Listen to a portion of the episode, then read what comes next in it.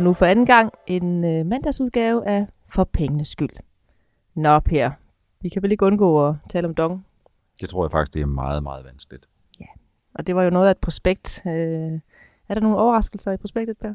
Nej, jeg tror ikke. De informationer, der er kommet frem, ligger meget øh, Øh, i forlængelse af det, som man kunne forvente med hensyn til udbuddet, øh, udbudsinterval, størrelsen på det, at det skulle sælges som minimum 15 procent. Man kommer måske helt op på 17,5 procent. Der er ikke rigtig sådan for alvor for mig at se noget af det, der er kommet frem, som bør komme som nogle større overraskelser for investorerne. Per, som investor, så tænker jeg sådan lidt øh, risici og, og pris. Øh, skal vi starte med risici? Hvad er de største risici? Ja, men ved enhver investering, der er der risici, og det gælder absolut her også i Dong. Så hvis jeg skulle pege på de risici, som jeg ser i Dong, ja, så ser jeg nogle kortsigtede risici, og så ser jeg nogle risici på den lidt længere bane, på den lidt længere tidshorisont. Øh, men hvis vi skal starte med de kortsigtede, jamen så er det jo sådan, at den største risiko, jamen det er, at Dong bliver skåret for højt og for dyrt, fordi den nogle gange kan sælges til en meget høj pris, fordi interessen er så enorm, som den er. Jo højere prisen den er, alt andet lige, jo større er risikoen for, at der er nogen, der på helt kort sigt kommer til at købe for dyrt. Så det er jo en reel risiko øh, at starte med. Hvis vi så skal kigge på nogle af de fundamentale risici, risici altså nogle af de risici, der er forbundet til forretningen dong, jamen så kan man jo sige, de to ting, som jeg først og fremmest kommer til at tænke på, jamen det er jo elsam og det her øh, søgsmål, som der er, øh, som man i løbet af 2016 sandsynligvis skal blive noget klogere på. Øh, dong øh, overtog jo Elsam, de jysk-fynske samarbejde Elsam, øh, og i forbindelse med det, jamen der er der jo, kører der nogle retssager. En retssag, som inklusiv de renter, der er løbet på i mellemtiden, jeg mener det er øh, ja, en 8-10 år siden, at, at, øh, at den her hændelse skete, ja, inklusive øh, nogle renter, der er løbet på, jamen så snakker vi om en samlet størrelse på øh, søgsmål på cirka 7 milliarder kroner, så det er jo et meget stort tal. Det er ikke særlig sandsynligt, øh, at man kommer til at betale så meget, og, det, og jeg ved jo ikke, om Dong taber den her sag, men det er en risiko, som investoren skal kigge på. Den anden risiko, den relaterer sig til olie- og gasforretningen. Og det er, at øh, hvis vi kigger nogle år tilbage, jamen, så havde man nogle store forventninger til olieudvindingen i det felt, der hedder Hejre. Og i en mellemliggende periode har man fundet ud af, at Hejre er et meget vanskeligere felt at hente olie op fra, og det er sådan lidt et åbent spørgsmål, om Hejre nogen, nogensinde kommer til for alvor at blive noget af det, som Dong kommer til at tjene nogle penge på inden for sin olie- og gasforretning. Og spørgsmålet det er også, om Dong måske kan blive pligtig at betale nogle flere omkostninger til nogle af dem, som er begyndt at bygge, udbygge hejerfeltet. Så det er sådan de kortsigtede. På en lidt længere bane, jamen så er det klart, at når havvind er det, som Dong fremadrettet skal leve af, det er det, de skal vokse på, jamen så er det en betydelig risiko, om de kan bevare deres globale førerposition med nogenlunde en 25 procents markedsandel af de havvindmølleparker, der er sat op i verden. Det er et åbent spørgsmål, om politikerne efter 2020 vil blive ved med at give de her tilskud til havvindmølleparkerne, der jo gør, at hvis tre fjerdedel, op til tre fjerdedel af den værdi på op til 106 milliarder kroner ligger i havvind, så er det jo havvinddivisionen, som betyder vind eller forsvind, for så vidt angår dong. Så jeg tænker på, at øh, enten så skal man fortsætte de her tilskudsordninger efter 2020, sådan så man kan fortsætte den her vækst og dominerende position, eller også så skal Dong ved øh, at blive endnu dygtigere til det, de laver, kunne nedbringe produktionsprisen på at producere strøm fra havvindmølleparker, sådan så de gør, at de bliver i stand til også at levere strøm uden de store tilskud. Så efter 2020, og baseret på, hvad for en størrelse øh, dong de er, jamen så er det havvind, det er vækst, og det er tilskudsordninger eller lave produktionspriser, som jeg ser som den største risiko på lidt længere sigt. På kort sigt, der ser jeg kun mindre risici. Hvad siger du til prisen, Per? Jeg siger, at vi kender jo ikke prisen, men vi kender prisintervallet. Og prisintervallet, det er jo, at øh, en aktiekurs som, som minimum bliver udbudt til 200 og helt op til 255 kroner per aktie, der gør, at den samlede værdi i Dong kommer til at ligge et sted mellem 83,5 og 106,5 milliarder kroner. Er det en høj eller en lav pris? Det er en høj pris. Og den høje pris fremkommer, fordi historien og fortællingen om Dong er blevet godt og vel og genfortalt.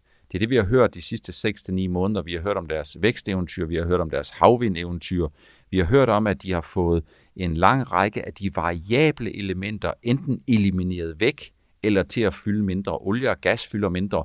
Gælden, som var det helt afgørende for, at man fik Goldman Sachs, ATP og PFA ind i 2013-2014, er stort set elimineret helt væk. Man har stort set ikke nogen øh, nettogæld, sådan er aktuelt nu herinde i starten af 2016.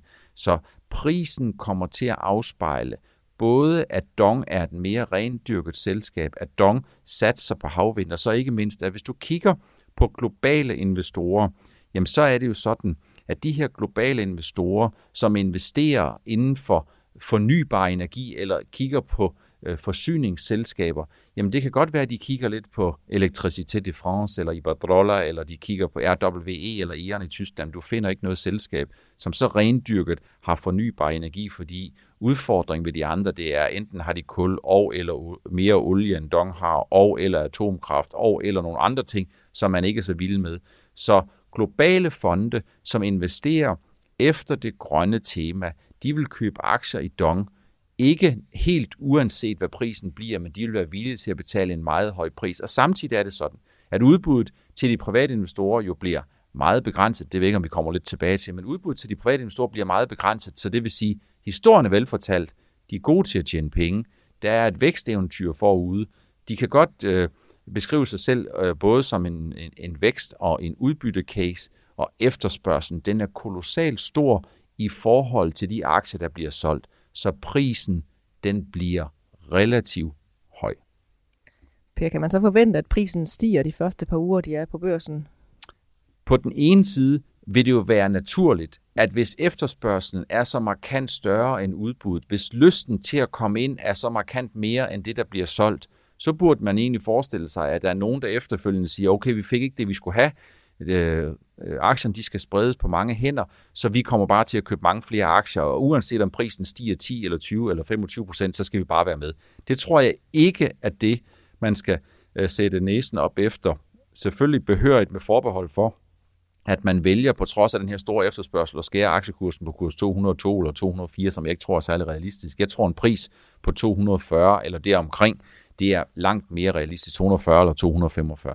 Så jeg tror ikke, at investorerne skal sætte lighedstegn mellem, at efterspørgselen er så markant, at der vil komme et likviditetspres på den første handelsdag, der gør, at hvis vi tager udgangspunkt i en, en, en skæringskurs på 240 eller 45, kan investorerne så forvente, at Dong på første noteringsdag starter i kurs 300, svarende til en markedsværdi på 130 milliarder kroner, eller noget af det, 120 eller 130 milliarder kroner. Nej, det kan man ikke. For grunden til, at prisen bliver så høj, jamen det er jo kombinationen af den gode fortælling, den meget beskedne, øh, øh, det meget beskedne salg i forhold til aktien, at grønne fonde vil efterspørge den, og at vækstcasen i Dong ser helt anderledes ud, og investeringscasen i Dong ser helt anderledes ud, end den gør for en lang række andre forsyningsselskaber. Så nej, man skal ikke sætte næsen op efter, at kursen den eksploderer øh, på første dag. Og det skal man simpelthen ikke, fordi der er altså overgræns for, hvad et selskab som Dong kan være værd. Dongs værdi er jo blevet mere end fordoblet. Øh, er det reelt, Ja? Jamen, øh, det er jo meget, der, der foregår jo meget nogle politiske sonderinger. Der er jo nogen, der er sure, og der er nogen, der synes, der er nogen, der er blevet snydt. Jeg forstår godt, at dem, der synes, at den politiske proces var lidt for mørkelagt i 2013 og 2014. Men hvis jeg prøver, må prøve at give et, øh, en indikation af, hvordan jeg ser tingene, så er det sådan, at hvis du har et børsnoteret selskab, som er i krise, jamen så er det sådan, så falder aktiekursen. Øh, og kan, blive, kan, kan en aktiekurs halvere? Det kan det sagtens. Det er slet ikke noget problem. Hvis man for eksempel prøver at kigge på Vestas, så fra 2007-2008, dengang aktiekursen den toppede i 700, jamen der halverede Vestas vel fire gange eller noget i den stil, fra 700 til 350 til 175 til 82 til 41 til 24. Det var måske endda en, øh, fem gange, at den halverede. Øh, så kan et børsnoteret selskab, som er i krise, kan den lige pludselig blive halveret i værdi, at være 31,5 milliarder kroner værd, som man satte hele Dong til i 2013, relativt til, at man fem år tidligere i 2008 havde forsøgt at sælge Dong til den dobbelte pris. Ja, det kan den godt. 2008, der forsøgte man at sælge Dong til en pris, som investorerne ikke var villige til at byde ind med, så det var ikke den rigtige pris. Så i 2013, der der var Dong presset. Dong havde for meget gæld på det forkerte tidspunkt. Så er Dong blevet fordoblet, altså fra de 31,5 plus det indskud, man fik for 11 milliarder kroner fra Goldman Sachs Company, 44 milliarder til nu at være det dobbelte værd. Og der tror jeg, 2013, der ramte man lavpunktet, man manglede nogle penge. Ligesom Vestas øh, halverede fem gange, jamen, så er det sådan, at en aktiekurs kan sagtens falde, og det var egentlig noget af det, som var gældende for Dong dengang. Og så tror jeg, det er fair at sige, at fra 2013-14 og så frem til 2016, så, så er der mange, der sidder og kigger på, at det kan da ikke passe, at aktien øh, og aktiens værdi og selskabets værdi skal være fordoblet, bare fordi at vind, havvind bliver så meget tydeligere i deres, i deres øh, balancer og i deres øh, resultatopgørelse. Jeg tror, det er vigtigt at sige, at dem, der sætter noget i gang, bliver ikke nødvendigvis dem, der kommer til at høste frugterne af det der. Anders Eldrup, tidligere departementschef, øh, har jo, øh, var jo øh, chef i øh, Dong, og han har i høj grad været den, som har været med til at industrialisere den her havvindsatsning. Så Anders Eldrup og hans guldfugle, og det hed de jo, den her firebande, som fik for mange penge øh, i løn ifølge nogen for at starte den her op. Men det er altså ligger en del år tilbage forud for 2013. Så det vi har set fra 2013 til 2016, den her værdifølelse, den handler om, en reduktion af risikopræmien, fordi at øh, man har fået strømlignet dong. Man har fået Goldman Sachs ind, som uanset hvor udskilt de er, alligevel givetvis har været med til at blåstemple dong som en international investering. Man ser med forsinket effekt øh, havvildsatsningen øh, kom til for alvor at folde sig ud i fuld flor.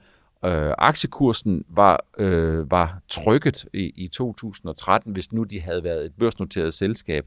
Og så tror jeg også, det er fair at sige, at der er ingen, selv ikke de største optimister, som i 2009, 10 og 11 øh, ville kunne sige, at i 2016 til 20 vil vi se et dong, hvor 75 procent af den værdi, der er i dong, kommer fra havvind, at de får en global førerposition på netop havvind. Så noget af det, det handler også om, at der er nogen, der måske sådan lidt øh, i øh, den disciplin, der hedder kampen om det mest gyldne bagspejl, ligesom siger, hvad sagde vi, og I skulle have lyttet noget mere til os. Så værdiforøgelsen fra 44 til potentielt 100-106 milliarder har mange flere fædre, end man bare lige kunne få indtrykket af, hvis man lytter til dem, som råber højst. Per, hvis man nu sidder derude og kigger i sit depot og har en masse Vestas aktier i sit depot, er det så, bliver det så lige rigeligt med at tegne i dong også?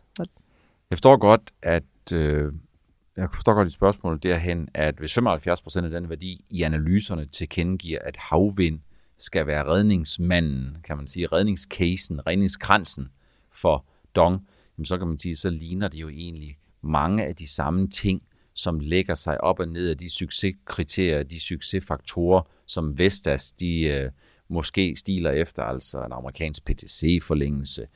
Dong er ikke sådan stor i USA endnu, men det kan de meget vel blive, og de er jo sådan set kommet lidt øh, til USA. Så jeg forstår det godt. Jeg tror, sådan lige her og nu, på kort sigt, der, der er det lidt ligegyldigt, og det er fordi, det der driver, det, der driver Dong-aktien på kort sigt, det er eufori, det er lysten til at være med i det her nye nye, det er lysten til at være med i den her store fortælling øh, på lidt længere sigt, jamen der er det selvfølgelig nogle fælles karakteristika, der ligesom siger, hvis den fornybare energi kan gøre sig mindre og mindre afhængig af tilskudsordninger, jamen så kan man egentlig sige, så er det egentlig nogle vækstcases, der går rigtig, rigtig fint hånd i hånd. De er eksponeret mod nogle af de samme faktorer, øh, og de kan sagtens leve øh, hver deres liv, og de kan også leve hver deres liv godt og forene i en portefølje, men det er klart, at jo, jo flere karakteristika, der peger i den samme retning, jamen jo, jo mere taler det for, at du skal passe lidt på med, at du ikke starter med at fylde dit depot op næsten til randen med Vestas aktier, og så topper den op med Dong-aktier. Så Per, den her investeringscase Dong, er det en, en god case på kort sigt, eller er det en bedre sigt på lang sigt? Men jeg tror, det hænger meget sammen med, hvem du er som investor. Hvis vi kigger på børsnoteringer, så er det jo sådan, at for så vidt angår de gode cases, altså dem, der bliver godt og vel efterspurgt, og hvor aktiekursen ender med at blive skåret i den øverste ende af intervallet, simpelthen fordi der er så massiv efterspørgsel her, jamen der er gode muligheder for, at du får en første dags gevinst, sådan i størrelsesorden 8-12 procent. Det betyder ikke, at jeg her siger og fører til protokols, at den aktie, som måske vil blive skåret i størrelsesorden 240-45 på den første handelsdag med garanti, starter i 275. Det er ikke det, jeg mener, og det er ikke det, jeg har sagt.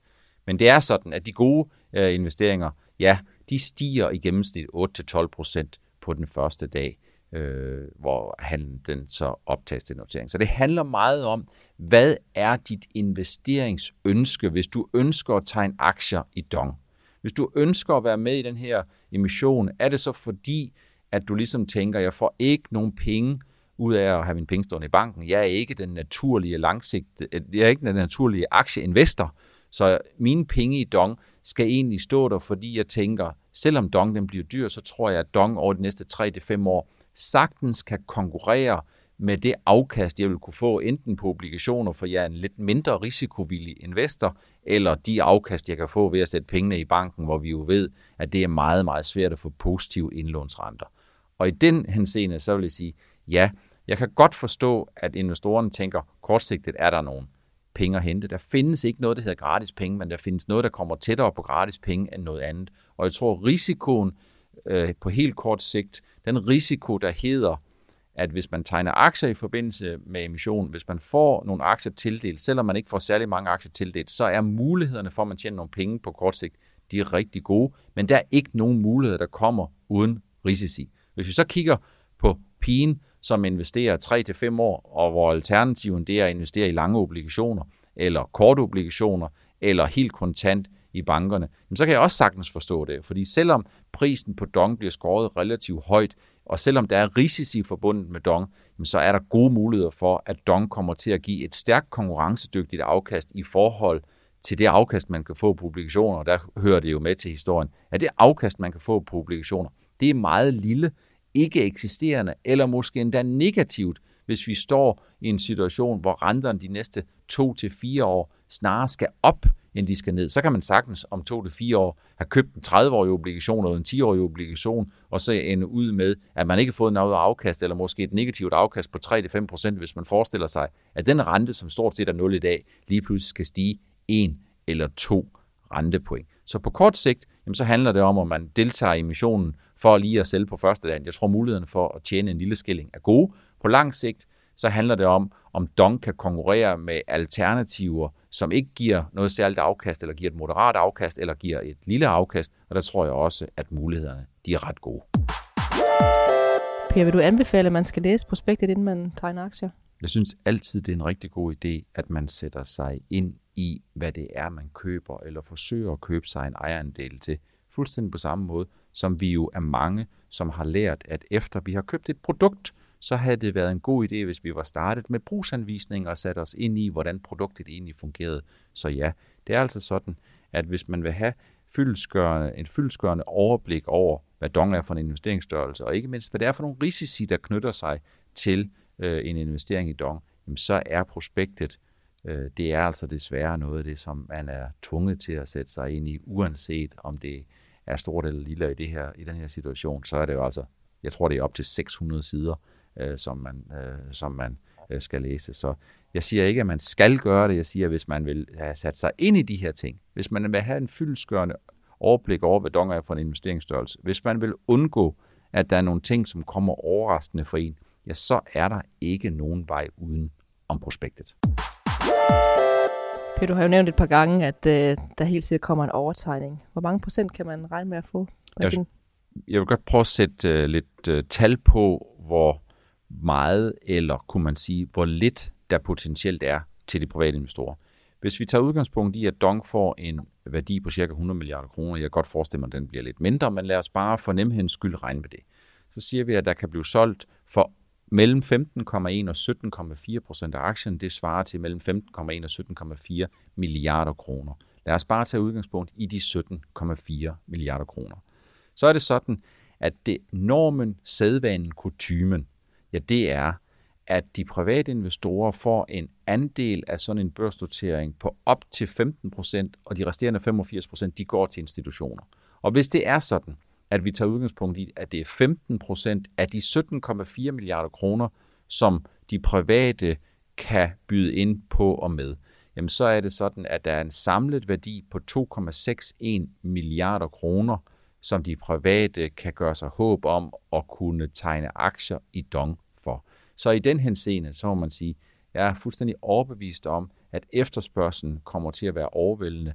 Jeg er fuldstændig overbevist om, at tegningsønskerne kommer til at ligge noget over det, som der bliver udbudt. Jeg vil anbefale dem, som alligevel har besluttet sig for, at de ønsker at tegne, og tegne en god tid. For jeg er ret sikker på, at den her meget vel kunne gå hen og blive lukket, før den officielle tegning øh, den lukker den 8. juni. Øh, der kommer helt sikkert meddelelser ud fra Dong, hvis det er sådan, at, at, øh, at tegningsperioden den lukker før tid osv. osv.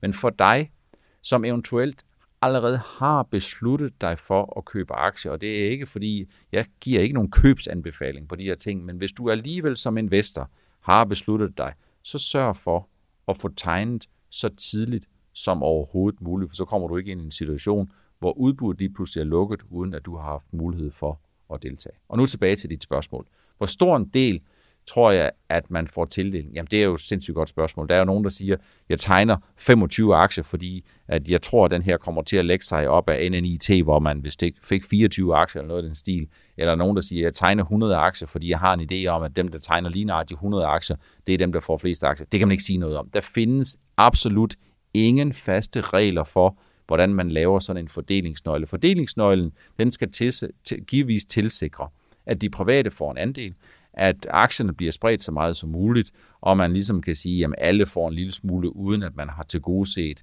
nogle af de større tegningsønsker uforholdsmæssigt meget eller uforholdsmæssigt lidt. Så jeg tror, at man får en meget lille del af den her. Jeg kunne meget vel forestille mig, at det minder om eller ligner til forveksling noget af det, som der var gældende i NNIT.